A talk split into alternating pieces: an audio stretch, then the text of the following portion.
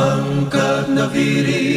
Shalom para pendengar yang dikasihi Tuhan Saat ini saya Grace Lantung menjumpai Anda dalam program Pengharapan dalam Buku Wahyu Para pendengar sekalian tak dapat dipungkiri bahwa kitab yang berisi wahyu dari Tuhan sering kali membingungkan kita sehingga sebagian orang menghindari untuk mempelajarinya. Memang firman Tuhan menuliskan dalam 2 Petrus 1 ayat 20 bahwa nubuat-nubuat dalam kitab suci tidak boleh ditafsirkan menurut kehendak sendiri. Tapi jangan khawatir para pendengar, Alkitab, buku yang dahsyat dan berkuasa, akan menerangkan dirinya sendiri melalui ayat-ayat yang ada di dalamnya. Bersama kita dalam program pengharapan dan buku Wahyu adalah hamba Tuhan Pendeta Nofri Fatah yang akan menolong kita untuk semakin memahami buku Wahyu dari Tuhan sehingga kita memiliki pengharapan yang semakin kuat akan keselamatan melalui Yesus Juru Selamat yang kita yakini akan datang segera. Selamat menikmati kebenaran firman-Nya.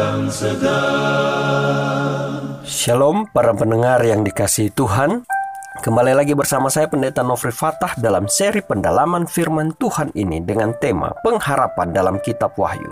Namun sebelum kita membahasnya, mari kita berdoa. Bapa kami yang di sorga, kami datang menghadap hadiratmu pada saat ini, mengucap syukur untuk berkat yang engkau sudah karniakan. Tuhan, kami akan mempelajari firman-Mu, kiranya Engkau mengurniakan kami kuasa roh kudus, agar kami boleh mengerti dan dapat mengaplikasikannya di dalam hidup kami. Terima kasih Bapak, Engkau sudah mendengar doa kami, dalam nama Yesus kami berdoa.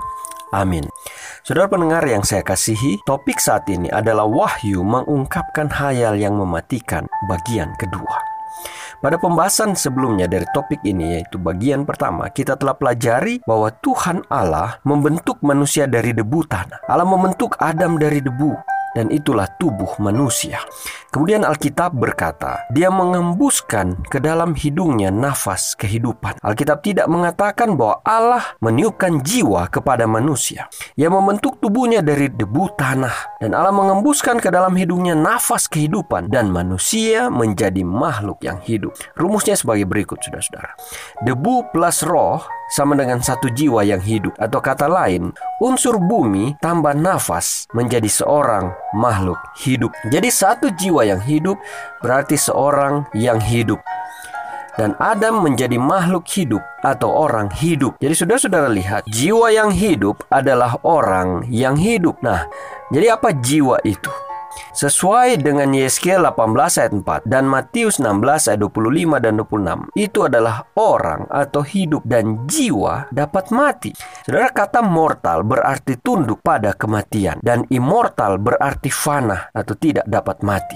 Jadi jiwa atau manusia atau orang itu berarti mortal atau tunduk pada kematian atau dapat mati. Jadi Alkitab tidak pernah menggunakan istilah jiwa abadi atau keabadian jiwa Alkitab menggunakan kata jiwa 1600 kali dan tidak pernah sekalipun menggunakan kata-kata jiwa abadi.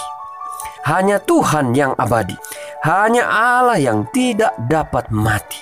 Kemudian Alkitab mengajarkan bahwa manusia adalah satu unit yang terpadu yang terdiri dari fisik, mental, dan rohani.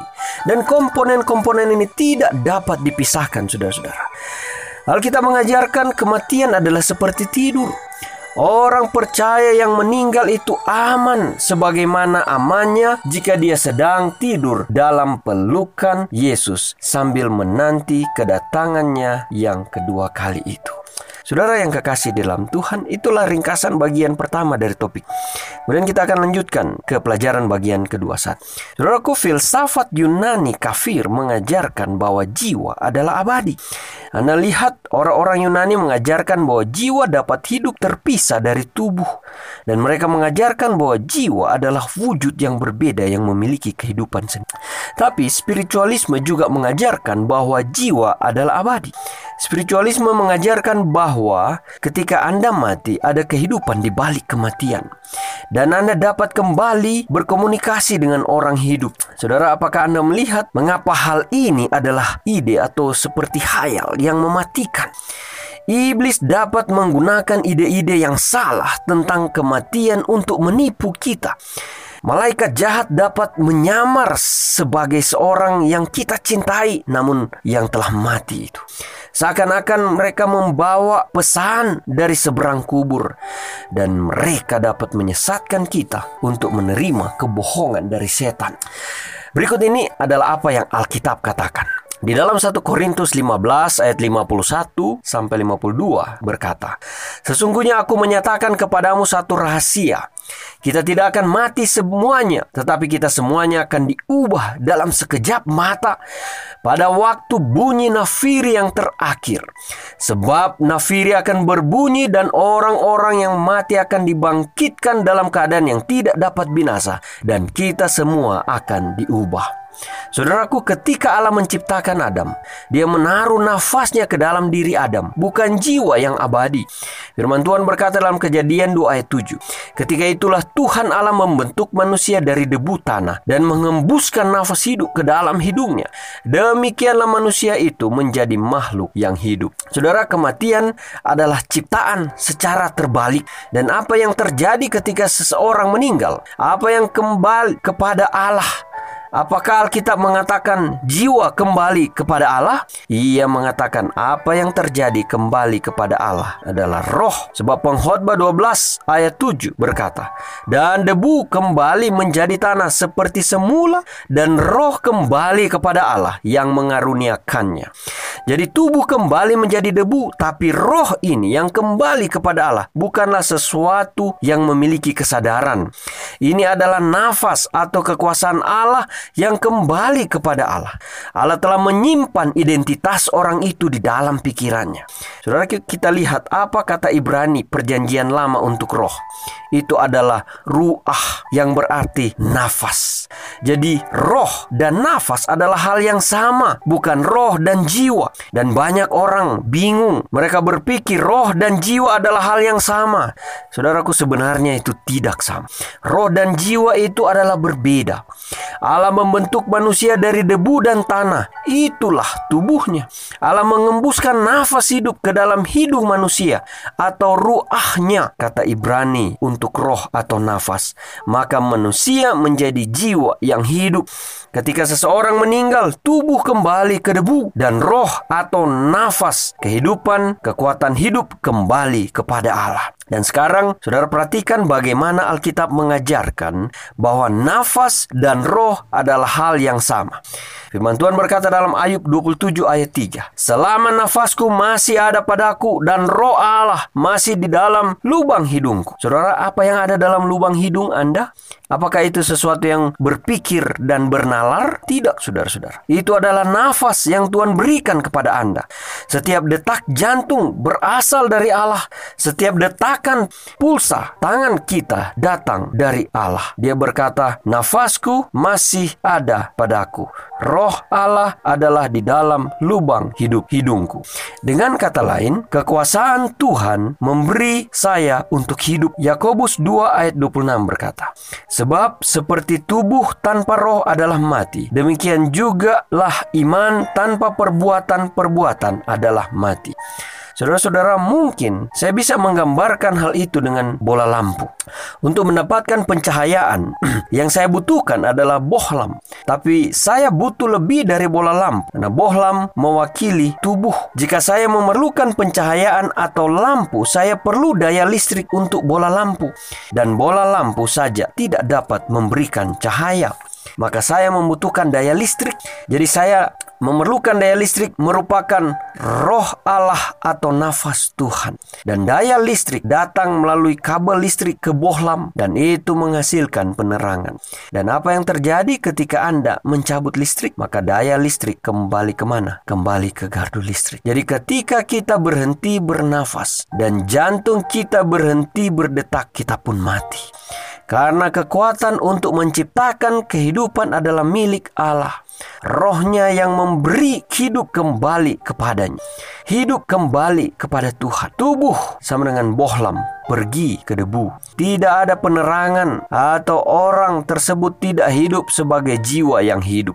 Maka nafas kembali kepada Allah dan tubuh masuk ke debu. Apakah ada kesadaran pada kematian? Mazmur 146 ayat 4 berkata, Apabila nyawanya melayang, ia kembali ke tanah. Pada hari itu juga lenyaplah maksud-maksud.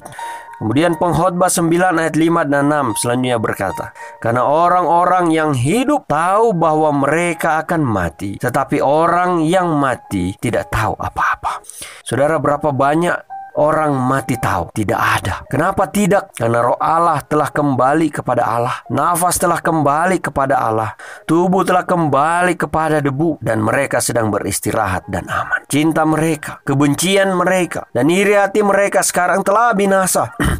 Jika jiwa pergi ke surga ketika Anda mati, setidaknya akan ada cinta untuk mencintai Tuhan. Namun Alkitab berkata, cinta mereka, kebencian, dan kecemburuan mereka sekarang telah binasa binasa. Mengapa saudaraku? Karena mereka tidak memiliki kesadaran. Mereka sedang tidur. Kematian adalah keadaan sedang tidur. Alkitab mengajarkan bahwa kematian adalah seperti tidur yang berlangsung sampai datang Kristus yang kedua kali itu. Penulis Alkitab menyatakan kematian tidur lebih dari 50 kali. Mazmur 13 ayat 3 berkata, Pandanglah kiranya, jawablah aku ya Tuhan Allahku, buatlah mataku bercahaya, supaya jangan aku tertidur, tidur kematian. Saudaraku, kematian dikabarkan sebagai istirahat yang damai atau tidur dalam Alkitab itu 53 kali disebutkan. Dalam kematian Alkitab adalah istirahat. Dalam Alkitab tidak ada jiwa yang abadi. Firman Tuhan berkata satu Raja-Raja 2 ayat 1. Ketika saat kematian Daud mendekat, ia berpesan kepada Salomo, anaknya. Di dalam ayat 10 berkata, Kemudian Daud mendapatkan perhentian bersama-sama nenek moyangnya dan ia dikuburkan di kota Daud. Sudah lihat di sana bagaimana Alkitab menggambarkan kematian adalah perhentian istirahat. Saudara, suatu hari ketika Yesus dan murid-muridnya bepergian untuk mengunjungi rumah teman-temannya Lazarus, Maria, dan Marta. Kemudian Yesus mendapat kabar bahwa Lazarus telah mengalami sakit parah dan kemudian meninggal. Tapi Yesus menunggu tiga hari sebelum tiba di rumah. Dan sementara mereka sedang dalam perjalanan, Yesus membuat pernyataan ini. Di dalam Yohanes 11 ayat 11 sampai 14. Lazarus, saudara kita telah tertidur, tetapi aku pergi ke sana untuk membangunkan dia dari tidurnya. Maka kata murid-murid itu kepadanya, Tuhan, jikalau ia tertidur, ia akan sembuh. Tetapi maksud Yesus ialah tertidur dalam arti mati. Sedangkan sangka mereka, Yesus berkata tentang tertidur dalam arti biasa. Karena itu Yesus berkata dengan terus terang, Lazarus sudah mati. Saudaraku, bagi Yesus, sebagaimana sama seperti dengan semua penulis Alkitab, kematian hanyalah tidur. Yesus kemudian mengunjungi rumah Lazarus. Dia memutuskan untuk membangkitkan dia dari antara orang mati sebagai demonstrasi kekuatannya. Ini akan menjadi kesaksian yang berkuasa dari kuasa kebangkitannya bagi seluruh umat manusia pada saat terakhir ini. Sudah dengarkan apa yang dikatakan Yesus pada Marta di dalam Yohanes 11 ayat 23. Saudaramu akan bangkit kembali. Sekarang perhatikan dengan hati-hati kata-kata Yesus. Yesus tidak mengatakan kepada Marta, Marta, kabar baik, puji Tuhan. Marta jangan menangis karena jiwa Lazarus ada di atas sorga saat ini. Apa itukah yang Yesus katakan kepada Marta? Saudaraku tidak sama sekali. Yesus menjelaskan kepada Marta bahwa kematian tidak dapat merebut jaminan hidup kekal kita. Saya lebih suka memperoleh agama saya dari Yesus daripada menerima filsafat pagan, kafir yang telah memasuki gereja Kristen melalui filsafat Yunani itu. Apa Marta percaya tentang kematian, saudara-saudara? Yohanes 11 ayat 24 dan 25 berkata, Kata Marta kepadanya, kepada Yesus, Aku tahu bahwa ia akan bangkit pada waktu orang-orang bangkit pada akhir zaman. Dan jawab Yesus, Akulah kebangkitan dan hidup. Barang siapa yang percaya kepadaku, ia akan hidup walaupun ia sudah mati. Saudara Marta yang menerima agamanya langsung dari Yesus percaya, kakaknya akan dibangkitkan di hari terakhir ketika Yesus datang kembali. Dan Yesus melakukan mujizat dalam membangkitkan Lazarus dari kematian untuk menunjukkan bahwa dia dapat menghapus segala air mata dari mata dari mata kita di pemakaman juga. Yesus mengatakan, "Anda tidak perlu diisi dengan kedukaan kesedihan karena ada kebangkitan. Haleluya. Pada hari terakhir, kita dapat melihat lagi orang yang kita cintai. Mereka sedang tidur. Mereka sedang beristirahat dalam kasih dan pemeliharaan Allah. Allah menandai kubur itu. Dia memiliki catatan identitas mereka dalam pikirannya, saudara-saudara. Dan Kristus akan datang dan membangkitkan mereka dari kematian. Kebangkitan Lazarus adalah bukti bahwa Yesus akan membangkitkan juga orang yang kita cintai. Saudara, Yesus pergi ke kubur dan berkata, "Lazarus, keluar!" Lazarus sedang tidur, beristirahat dalam kasih dan pemeliharaan Allah. Dan Lazarus pun keluar dari kubur dalam keadaan hidup. Saudara misalkan Yesus datang ke makam itu dan jika apa yang banyak orang percaya adalah benar bahwa Lazarus berada di surga, Yesus akan mengatakan, "Lazarus turun. Sekarang saya akan memberitahu Anda sesuatu, Saudara-saudara. Jika saya Lazarus dan saya telah di sorga selama tiga atau empat hari dan Yesus berkata, "Turun," maka saya akan melihat ke bawah dan berkata, "Tuhan, jangan buat itu kepada saya. Saya tidak mau balik lagi ke dunia ini. Jangan, Tuhan, saya tidak mau turun lagi ke sana." Saudara Saudaraku, bukankah Anda juga akan mengatakan hal itu juga? Jika apa yang orang percaya adalah benar, Lazarus seharusnya menulis sebuah buku dalam Alkitab tentang kemuliaan di sorga. Tapi Lazarus diam tentang surga. Mengapa? Karena dia sedang tidur sampai kebangkitannya nanti. Persis seperti kata Yesus. Dan persis seperti yang diyakini Marta. Ini adalah hal yang luar biasa untuk mengetahui bahwa Allah telah menandai makam dari suami atau istri atau anak atau ayah dan ibu itu. Ini mendorong kita untuk mengetahui orang-orang yang disakiti hatinya dan mengalami masalah yang sangat berat di bumi. Penderitaan mereka telah berakhir. Ini mengangkat roh kita untuk mengetahui bahwa orang-orang yang mengalami penyakit kanker, di mana penderitaan mereka telah berakhir. Apa yang le bisa lebih meyakinkan daripada untuk mengetahui bahwa mereka yang meninggal seolah-olah terbuai dalam pelukan Kristus dalam keadaan kebahagiaan tidur yang sempurna sampai masa kebangkitan saudara-saudara. Ayub 14 ayat 21 berkata, Anak-anaknya menjadi mulia, tetapi ia tidak tahu. Atau mereka menjadi hina, tetapi ia tidak menyadarinya. Saya pernah dengar orang berkata, Oh, aku suka memikirkan ibuku di sorga yang sedang menatapku saat. Tapi saudaraku, bagaimana jika suami Anda melakukan penyiksaan kepada Anda dan ibu Anda di sorga sedang menonton penyiksaan tersebut kepada Anda? Dan bagaimana jika seorang ibu yang meninggal dan dia langsung diangkat di sorga, anaknya yang masih kecil sedang berjalan di bumi ini, kemudian ditabrak dan digilas mobil, dan dia harus menonton seluruh peristiwa tersebut yang terjadi kepada anaknya yang derita. Bagaimana jika seorang ibu yang sudah mati dan dia langsung pergi ke sorga dan anaknya yang direkrut menjadi tentara pergi berperang dan melihat anaknya mati atau disiksa atau bagaimana ia tertangkap oleh musuh dan mereka mencungkil matanya dan menyembeli anaknya. Bagaimana jika seorang ibu yang di sorga dan anaknya menjadi nakal di dunia ini? Anak ini menyuntikkan obat ke dalam tubuhnya dan menjadi pengguna narkoba dan dia merusak hidupnya. Apakah ibu yang di sorga itu menanggung semua kesedihan di atas masalah anak-anak mereka di bumi ini, saudara-saudara? Saudaraku, perlu Anda tahu bahwa Allah sangat berkemurahan untuk itu. Kematian adalah keadaan istirahat yang sempurna atau tidur sampai kebangkitan kita. Kristus membangunkan Anda dan mengatakan, "Sekarang semua kesedihan telah berakhir." Ketika kita mati itu adalah istirahat sempurna. Anda tidak tahu berlalunya setiap waktu. Sekarang semua sakit hati Anda telah berlalu. Sekarang semua kekecewaan hidup telah berlalu. Itulah sebabnya Alkitab berkata di dalam Mazmur 115 ayat yang ke-17.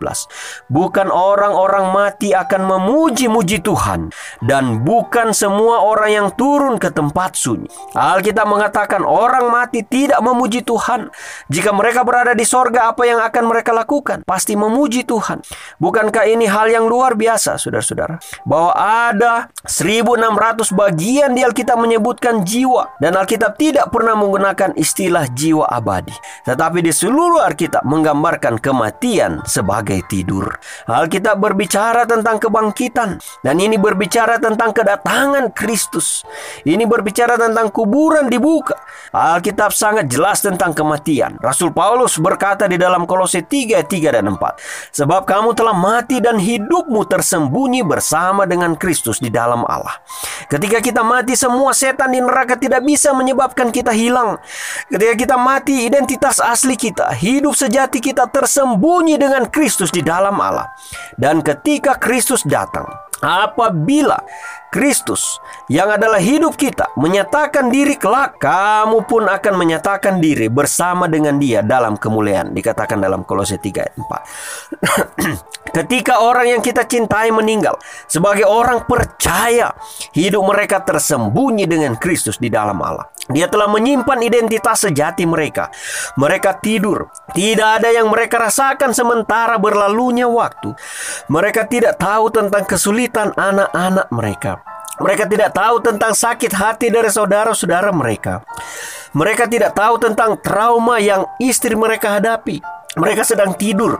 Tidak ada perjalanan waktu. Sebagaimana Kristus datang, hidup kita telah tersembunyi dengan Kristus di dalam Allah. Dia memanggil nama kita.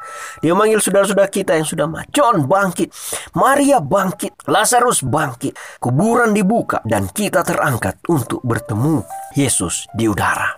Dan kita terangkat untuk bertemu dengan Kristus ini yang mati di kayu salib. Kita bertemu dengan Kristus yang mengasihi kita dan yang merindukan kita untuk bersama-sama selama sepanjang kekekalan. Kristus yang telah pergi ke kubur dan kembali keluar dari kubur yang telah menebus saudara dan saya. Saudaraku yang kekasih di dalam Yesus. Sebelum saya menyimpulkan pelajaran ini, kita akan mendengarkan satu lagu pujian bagi Tuhan berikut ini. Saudara pendengar yang saya kasihi, Tuhan Allah telah membentuk manusia dari debu tanah. Allah membentuk Adam dari debu dan itulah tubuh manusia. Kemudian Alkitab berkata dia menghembuskan ke dalam hidungnya nafas kehidupan. Alkitab tidak mengatakan bahwa Allah meniupkan jiwa kepada manusia yang membentuk tubuhnya dari debu tanah. Dia menghembuskan ke dalam hidungnya nafas kehidupan dan manusia menjadi makhluk yang hidup. Alkitab tidak pernah menggunakan istilah jiwa abadi atau keabadian jiwa karena manusia adalah mortal, tunduk pada kematian. Alkitab menggunakan kata jiwa 1600 kali dan tidak pernah sekalipun menggunakan kata-kata jiwa abad. Karena hanya Tuhan yang abadi, hanya Allah yang tidak dapat mati. Alkitab mengajarkan bahwa manusia adalah satu unit yang terpadu yang terdiri dari fisik, mental, dan rohani. Dan komponen-komponen ini tidak dapat dipisahkan. Manusia atau hidup atau orang atau jiwa itu sendiri. Saudara, ketika kita mati, itu adalah istirahat sempurna. Anda tidak tahu berlalunya setiap waktu. Ketika orang yang kita cintai meninggal, sebagai orang yang percaya kepada Yesus, hidup mereka tersembunyi dengan Kristus di dalam Allah. Dia telah menyimpan identitas sejati mereka, dan mereka tidak tahu tentang kesulitan anak-anak mereka. Mereka tidak rasakan waktu itu berlalu. Mereka tidak tahu tentang sakit hati dari orang-orang yang masih hidup, tentang trauma istri keluarga mereka, dan mereka sedang tertidur. Sebagaimana Kristus datang, hidup kita telah tersembunyi dengan Kristus di dalam Allah. Dia memanggil kita yang sudah orang-orang yang sudah mati itu di dalam Yesus bangkit dan semua kesedihan telah berakhir maka kuburan dibuka dan kita terangkat untuk bertemu dengan Yesus di surga. Saudara, jika ini adalah kerinduan saudara-saudara untuk hidup di dalam Kristus dan mati pun hidup kita tersembunyi dengan Kristus di dalam Allah dan akan bertemu dengannya pada waktu kedatangannya yang kedua kali. Saya akan berdoa untuk Anda saat mari kita berdoa. Bapa yang Maha Kuasa, Bapa yang Maha Baik, terima kasih untuk firman-Mu saat ini. Memberitahukan kepada kami apa kata firman tentang kehidupan kami. Sehingga kami tidak dapat mudah tertipu dengan ajaran-ajaran kuasa kegelapan itu. Sehingga kami benar-benar memahami firman Tuhan. Hidup di dalam Tuhan, setia kepada Tuhan, sehingga ketika kami pun mati, beristirahat di dalam tangan kasih Tuhan. Dan pada waktu Yesus datang kedua kali, kami akan dibangkitkan dan memperoleh hidup dalam kemuliaan, hidup kekal selama-lamanya di dalam Yesus. Terima kasih Tuhan Yesus. Engkau sudah memberkati kami dengan firman. Biarlah kami berdiri dalam kebenaran pada firman Tuhan saja. Di dalam nama Yesus kami berdoa. Amin. Para pendengar yang budiman, saudara sedang bersama program pengharapan dalam buku Wahyu bersama pendeta Nofri Fata. Hubungi kami melalui SMS di nomor 0877 16161637 bila saudara memiliki komentar, pertanyaan, ataupun permohonan untuk kami doakan. Nantikan pembahasan berikut minggu mendatang dalam program pengharapan dalam buku Wahyu pada hari dan waktu yang sama. Kiranya Tuhan memberkati kita semua adalah doa dan harapan kami. Sampai jumpa. Itu tandanya Yesus mau datang segera. Pengetahuan bertambah-tambah. Yesus mau datang segera. Angkat nafiri Shalom para pendengar yang dikasihi Tuhan. Saat ini saya Grace Lantung menjumpai Anda dalam program pengharapan dalam buku Wahyu. Para pendengar sekalian tak dapat dipungkiri bahwa kitab yang berisi wahyu dari Tuhan Sering kali membingungkan kita Sehingga sebagian orang menghindari untuk mempelajarinya. Memang firman Tuhan menuliskan dalam 2 Petrus 1 ayat 20 Bahwa nubuat-nubuat dalam kitab suci tidak boleh ditafsirkan menurut kehendak sendiri. Tapi jangan khawatir para pendengar, Alkitab, buku yang dahsyat dan berkuasa, akan menerangkan dirinya sendiri melalui ayat-ayat yang ada di dalamnya. Bersama kita dalam program pengharapan dan buku Wahyu adalah hamba Tuhan Pendeta Nofri Fata yang akan menolong kita untuk semakin memahami buku Wahyu dari Tuhan sehingga kita memiliki pengharapan yang semakin kuat akan keselamatan melalui Yesus Juru Selamat yang kita yakini akan datang segera. Selamat menikmati kebenaran firman-Nya. Shalom para pendengar yang dikasih Tuhan Kembali lagi bersama saya Pendeta Nofri Fatah dalam seri pendalaman firman Tuhan ini dengan tema Pengharapan dalam Kitab Wahyu Namun sebelum kita membahasnya mari kita berdoa Bapa kami yang di sorga, kami mohon kiranya Engkau mengaruniakan kuasa roh kudus kepada kami saat ini untuk mempelajari firman agar kami boleh mengerti akan kehendak Tuhan dan kami aplikasikan dalam hidup kami. Terima kasih Bapa Engkau sudah mendengar dan jawab doa kami. Dalam nama Yesus Kristus Tuhan dan Juru Selamat kami sudah berdoa. Amin. Saudara pendengar yang saya kasihi di dalam Yesus, topik saat ini adalah wahyu mengungkapkan hayal yang mematikan bagian pertama. Saudaraku, kadang ada orang yang mengatakan bahwa Anda tidak pernah benar-benar merasa sendirian di dunia sampai Anda berdiri di makam orang tua Anda. Dan itu membuat Anda menyadari bahwa Anda giliran berikutnya. Dan hal itu menghantui Anda dengan pertanyaan, bisakah kita menemukan harapan di balik kuburan? Saudara ada suatu cerita, satu hari ayah dari saudari Ruth sedang sekarat. Dan sementara Ruth menjaga ayahnya di rumah sakit, sekitar pukul tiga subuh, dia mendengarkan erangan kesakitan ayahnya. Dan ayah inilah yang telah membantu menggantikan popoknya waktu dia bayi, mengajarinya naik sepeda saat dia kanak-kanak dan di saat itu dia teringat memori yang indah bersama dengan ayahnya ketika dia kecil. Saudara sebagian besar hidup papanya ini bekerja di dermaga kapal. Tapi sekarang penyakit kanker telah membuatnya menjadi lemah dan menghancurkan hidupnya. Dia tidak bisa melawan lagi penyakitnya dan akhirnya ayahnya meninggal. Setelah pemakaman, Ruth pikir dia akan sanggup meneruskan kehidupannya. Tapi ternyata saudara-saudara tidak sesuai dengan harapannya. Dia dihantui oleh ingatan dari orang tua yang sudah tiada itu. Maka dia akan makan makanan favoritnya atau mendengar salah satu lagu kesukaannya. Dan akhirnya dia mengatasi situasinya dengan derayan air mata.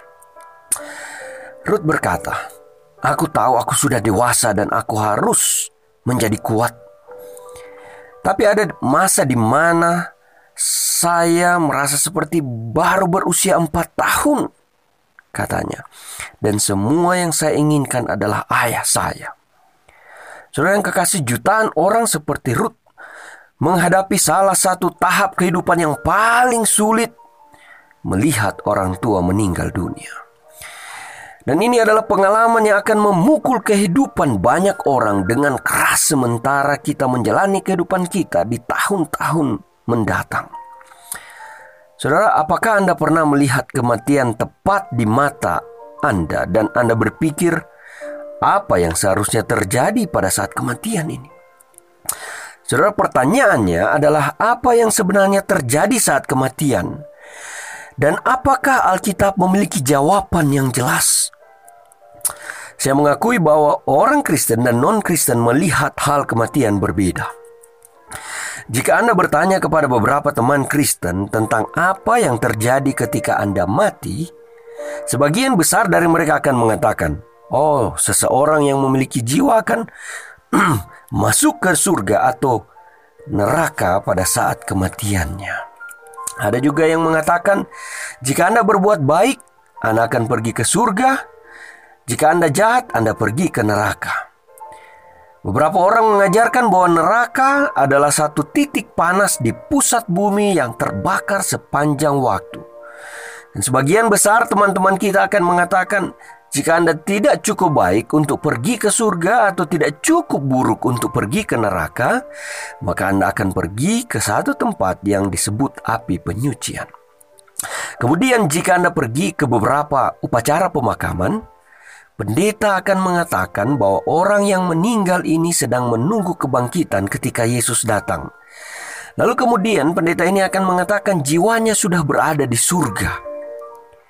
Saudara Anda pun bingung dan berkata, "Jadi di mana dia sekarang berada?" Apakah orang mati tertidur menunggu kebangkitan ketika Yesus datang atau mereka sudah berada di surga? Dan jika ia berada di surga, apakah jiwanya memiliki mata? Bisakah dia berbicara? Apakah dia memiliki mulut? Atau apakah dia memiliki telinga? Dan jika jiwa itu memiliki mata dan mulut dan telinga, dan Anda dapat melihat dia berada di atas surga, mengapa dia harus datang kembali untuk mengambil tubuhnya di bumi ini? Jadi ini semua membuat begitu banyak pertanyaan yang membingungkan malah. Orang-orang benar-benar bingung tentang hal kematian ini. Saudara, apa yang terjadi ketika Anda mati? Apakah Anda ke surga atau apakah Anda ke neraka? Atau apakah Anda akan tidak ada selama-lamanya? Ada banyak ateis yang mengatakan bahwa tubuh fisik ini ya sudah begitu saja. Dan kalau Anda mati, Anda pergi ke kubur dan selesai, sudah berakhir, tamat riwayat. Saudara, orang lain percaya reinkarnasi. Jika Anda bertanya kepada beberapa teman yang lain, mereka akan mengatakan ketika Anda mati Anda akan memenuhi karma Anda, Anda datang kembali bereinkarnasi atau transmigrasi. Anda mungkin datang kembali sebagai sapi, Anda mungkin datang kembali sebagai seorang hamba, tapi Anda akan datang kembali sebagai sesuatu sehingga Anda dapat mempelajari pelajaran yang Anda gagal untuk belajar dalam hidup ini, saudara. Saudaraku, apakah kematian itu akhir dari segala-galanya? Apakah jiwa abadi atau ada kebangkitan? Saudara, lihat jika jiwa itu tidak dapat mati atau abadi, maka setelah kematian, saat itu bisa langsung pergi baik ke surga atau ke neraka. Dan jika jiwa adalah abadi, maka orang mati benar-benar bisa berbicara dengan orang hidup. Jika jiwa adalah abadi, maka itu membuat jalan untuk kemungkinan transmigrasi atau reinkarnasi. Dan seluruh masalah kematian berkaitan dengan pertanyaan keabadian. Apakah kita memiliki keabadian sekarang? Apakah keabadian itu akan diberikan kepada kita pada saat kedatangan Kristus kedua kali? Atau apakah mungkin bahwa setan memiliki rencana di hari-hari terakhir? Ya, saudara-saudara. Itulah hayalan mematikan bagi orang-orang yang percaya ide bahwa jiwa itu abadi. Jadi saudara-saudara, setan bisa menyamar sebagai orang-orang yang terkasih kita yang sudah mati untuk menipu kita. Jadi untuk itu, di mana kita dapat menemukan jawaban? Saudaraku, buku-buku tentang pengalaman seseorang mendekati kematian telah menjadi bestseller. Banyak buku tentang kematian dan kondisi seseorang yang sekarat mengajarkan bahwa ketika seorang meninggal mereka tidak benar-benar mati. Banyak dari mereka mengajarkan bahwa orang mati benar-benar dapat berkomunikasi dengan orang hidup. Saudaraku, spiritualisme meledak khususnya di kalangan orang-orang yang memiliki pemikiran sekuler yang mengesampingkan Alkitab dan Yesus. Orang-orang ini percaya ketika Anda mati maka jiwa abadi itu dapat berkomunikasi dengan orang hidup. Apakah Anda setuju dengan saya saat ini bahwa satu-satunya tempat yang dapat dipercaya untuk menemukan informasi tentang kematian atau hal apa saja hanyalah Alkitab? Alkitab memberi kita jawaban yang bisa dipercaya untuk pertanyaan tentang apa yang terjadi ketika Anda mati. Itu mengungkapkan tidak hanya apa yang terjadi ketika Anda mati, saudara-saudara, tetapi juga bagaimana menghadapi kematian dengan harapan baru dan keyakinan. Haleluya. Saya ajak kita mulai dengan kitab Wahyu. Lihat apa yang terjadi di awal kitab Wahyu yang mengungkapkan takdir akhir manusia. Saudara, pasal pertama dari Wahyu memperkenalkan kepada kita pribadi Yesus Kristus yang mulia. Dia mengenakan jubah putih bercahaya, Matanya bagaikan nyala api dan Yesus mengidentifikasikan dirinya dalam cara berikut ini. Di dalam Wahyu 1 ayat 18 berkata, Aku adalah yang awal dan yang akhir dan yang hidup. Aku telah mati namun lihatlah aku hidup sampai selama-lamanya. Saudaraku yang kekasih dalam Kristus, Kristus telah dikuburkan dan dia telah keluar dari kubur.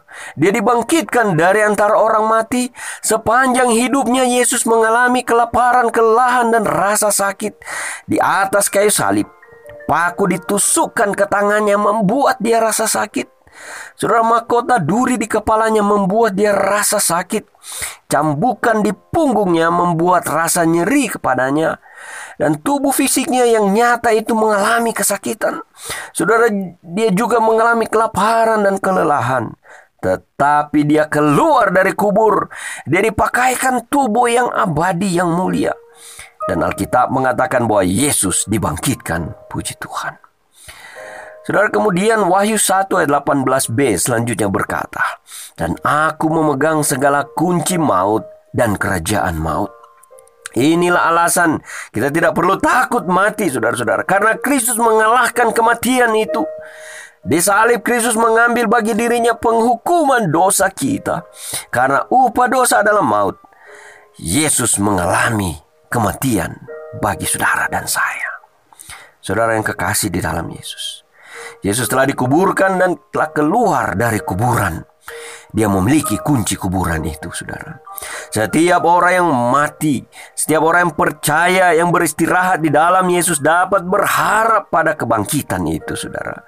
Alkitab mengungkapkan kebenaran kebangkitan di seluruh halaman-halamannya, menunjuk ke depan pada kedatangan Kristus yang kedua kali ketika Yesus datang dan orang mati dibangkitkan. Haleluya. Tapi seorang berkata, apa yang Alkitab ajarkan tentang jiwa yang abadi itu?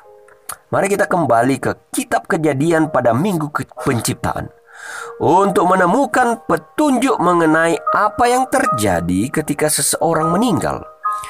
Mungkin jika kita memahami apa yang terjadi pada penciptaan ini, kita dapat memahami sesuatu tentang apa yang terjadi ketika kita mati. Saudara kita mengatakan dalam kejadian 2 ayat 7. Ketika itulah Tuhan Allah membentuk manusia itu dari debu dan tanah dan mengembuskan nafas hidup ke dalam hidungnya. Demikianlah manusia itu menjadi makhluk yang hidup.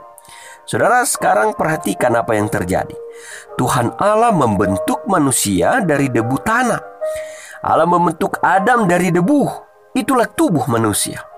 Kemudian Alkitab berkata, dia menghembuskan ke dalam hidungnya nafas kehidupan. Alkitab tidak mengatakan bahwa Allah meniupkan jiwa kepada manusia.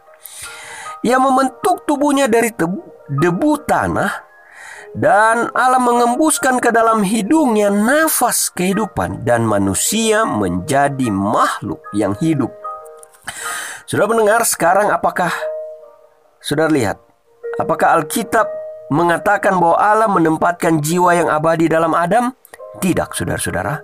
Alkitab tidak mengatakan hal itu. Rumusnya sebagai berikut. Debu plus roh sama dengan satu jiwa yang hidup. Kata lain, unsur bumi tambah nafas, maka menjadi seorang makhluk hidup. Jadi saudara-saudara, satu jiwa yang hidup berarti orang yang hidup dan Adam menjadi makhluk hidup atau orang hidup. Saudara-saudara lihat, jiwa yang hidup adalah orang yang hidup. Saya beri contoh. Misalkan Anda pergi ke supermarket dan ketika Anda pulang Anda berkata kepada pasangan Anda, "Tidak ada satu jiwa pun di sana," Anda katakan. Dan pasangan Anda bercanda menjawab, "Oh, saya senang tidak ada jiwa di sana karena itu pasti akan menakutkan saya. Saya belum pernah melihat jiwa sebelumnya. Itu pasti menakutkan." Tapi itu tidak semuanya benar, saudara-saudara. Orang-orang tahu ketika Anda mengatakan jiwa, maksud Anda adalah tidak ada orang di sana. Saudara, Alkitab tidak mengajarkan bahwa Allah menempatkan jiwa abadi kepada Adam, seolah-olah itu sebuah wujud yang terpisah yang kita lihat. Saudaraku, saya tidak memiliki sebuah jiwa. Saya adalah jiwa itu. Seorang makhluk hidup.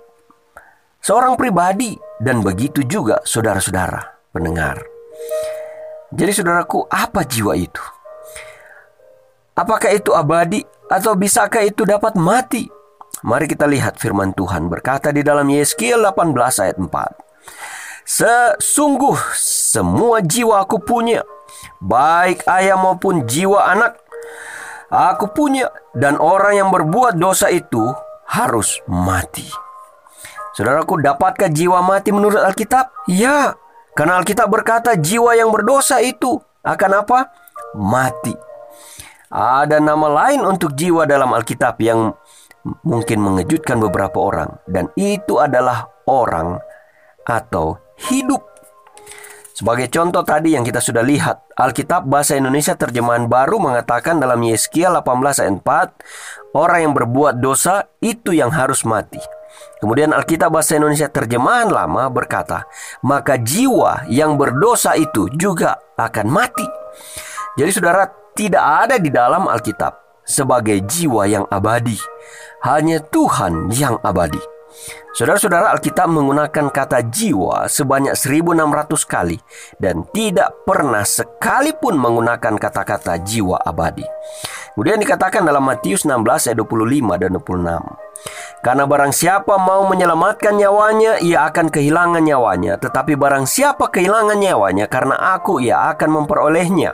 Apa gunanya seorang memperoleh seluruh dunia tetapi kehilangan nyawanya? Dan apakah yang dapat diberikannya sebagai ganti nyawanya? Saudara, hanya Allah yang tidak dapat mati. Mortal berarti tunduk pada kematian. Dan immortal berarti fana dan dapat mati. Alkitab tidak pernah menggunakan istilah jiwa abadi atau keabadian jiwa. Disebutkan di dalam 1 Timotius 1 ayat 17 firman Tuhan berkata, "Hormat dan kemuliaan sampai selama-lamanya bagi raja segala zaman, Allah yang kekal, yang tak nampak, yang esa." Amin. Jadi raja abadi adalah Allah abadi. Kita menerima keabadian ketika Kristus datang. Alkitab mengatakan, tubuh yang fana ini harus mengenakan keabadian. Ketika saya datang kepada Kristus, Dia memberi saya karunia hidup kekal yang berada di dalam hati saya sekarang. Tetapi karunia keabadian dimiliki pada kedatangan Kristus yang kedua kali. Firman Tuhan selanjutnya berkata dalam 1 Timotius 6 ayat 15 dan 16. Penguasa yang satu-satunya yang penuh bahagia, raja di atas segala raja dan Tuhan di atas segala Tuhan. Dialah satu-satunya yang tidak takluk kepada maut, bersemayam dalam terang yang tak terhampiri. Saudara, firman Tuhan ini berkata, dia satu-satunya. Pengertian satu-satunya, saya beri contoh berikut ini. Jika saya satu-satunya yang memiliki dompet atau tas saya, jika saya sendiri yang memilikinya, maka hal itu menunjukkan apa, saudara-saudara? menunjukkan bahwa orang lain tidak memiliki tas itu. Saudaraku, siapa di sini yang hanya satu-satunya saja yang memiliki keabadian?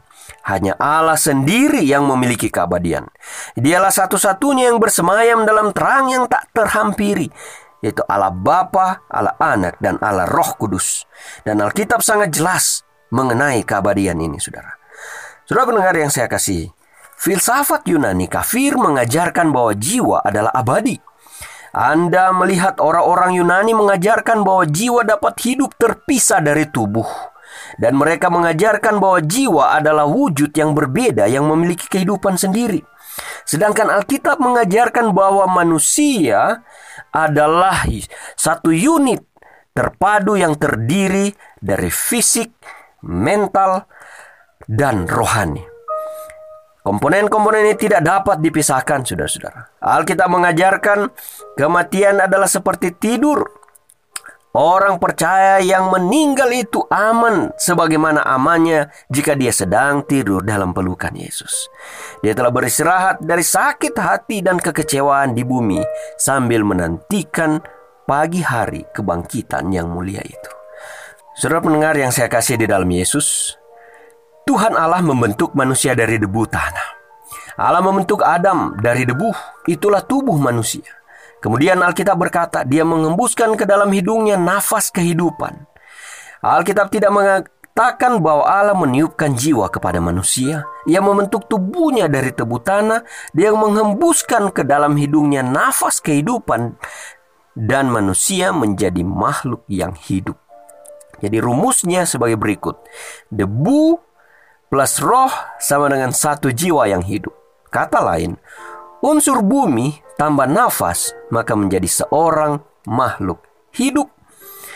Satu jiwa yang hidup berarti orang yang hidup. Adam menjadi makhluk hidup atau orang hidup. Saudara-saudara lihat, jiwa yang hidup adalah orang yang hidup. Jadi apa jiwa itu? Sesuai dengan Yeskiel 18 ayat 4 dan Matius 16 ayat 25 dan 26. Itu adalah orang atau hidup dan jiwa yang dapat mati. Saudara kata mortal berarti tunduk pada kematian atau immortal berarti fana, dapat mati. Jadi Alkitab tidak pernah menggunakan istilah jiwa abadi atau keabadian jiwa Alkitab menggunakan kata jiwa 1600 kali dan tidak pernah sekalipun menggunakan kata-kata jiwa abadi. Hanya Tuhan yang abadi. Hanya Allah yang tidak dapat mati. Saudara pendengar yang saya kasih, Alkitab mengajarkan bahwa manusia adalah satu unit yang terpadu yang terdiri dari fisik, mental, dan rohani. Dan komponen-komponen ini tidak dapat dipisahkan. Alkitab mengajarkan kematian adalah seperti tidur Orang percaya yang meninggal itu aman sebagaimana amannya jika dia sedang tidur dalam pelukan Yesus sambil menantikan ke kebangkitan pada saat kedatangan Yesus yang kedua kali itu. Saudaraku, jika ini adalah kenduan saudara-saudara aman dalam pelukan Yesus dan saudara percaya pada firman Tuhan, bukan pada ajaran manusia. Dan pada waktu Yesus datang kedua kali, saudara akan bertemu dengannya. Saya ingin mendoakan Anda saat ini. Mari kita berdoa. Terima kasih Tuhan Yesus, firman-Mu yang ajaib. Firman-Mu benar. Kami hanya mau bersandar pada kebenaran firman, bukan pada ajaran manusia. Dan biarlah dengan kami mempelajari firman, Roh Kudus-Mu akan menuntun kami agar lebih memahaminya di dalam hati dan pikiran kami. Dan sebagaimana firman Tuhan telah ajarkan, apabila kami benar-benar percaya kepada Yesus Kristus, sekalipun kami mati, kami hanya beristirahat sementara di dalam kuburan sebagaimana kami tidur. Dan kami akan dibangkitkan pada waktu Yesus datang. Karena tubuh kami yang fana ini, yang akan mati ini. Tapi Yesus telah mati bagi kami. Yesus telah membayar dosa kami. Dan Yesus telah bangkit dari kematian untuk kami. Kami percaya kami juga akan dibangkitkan pada waktu Yesus datang. Terima kasih Tuhan untuk firman yang benar ini. Di dalam nama Yesus kami sudah berdoa. Amin.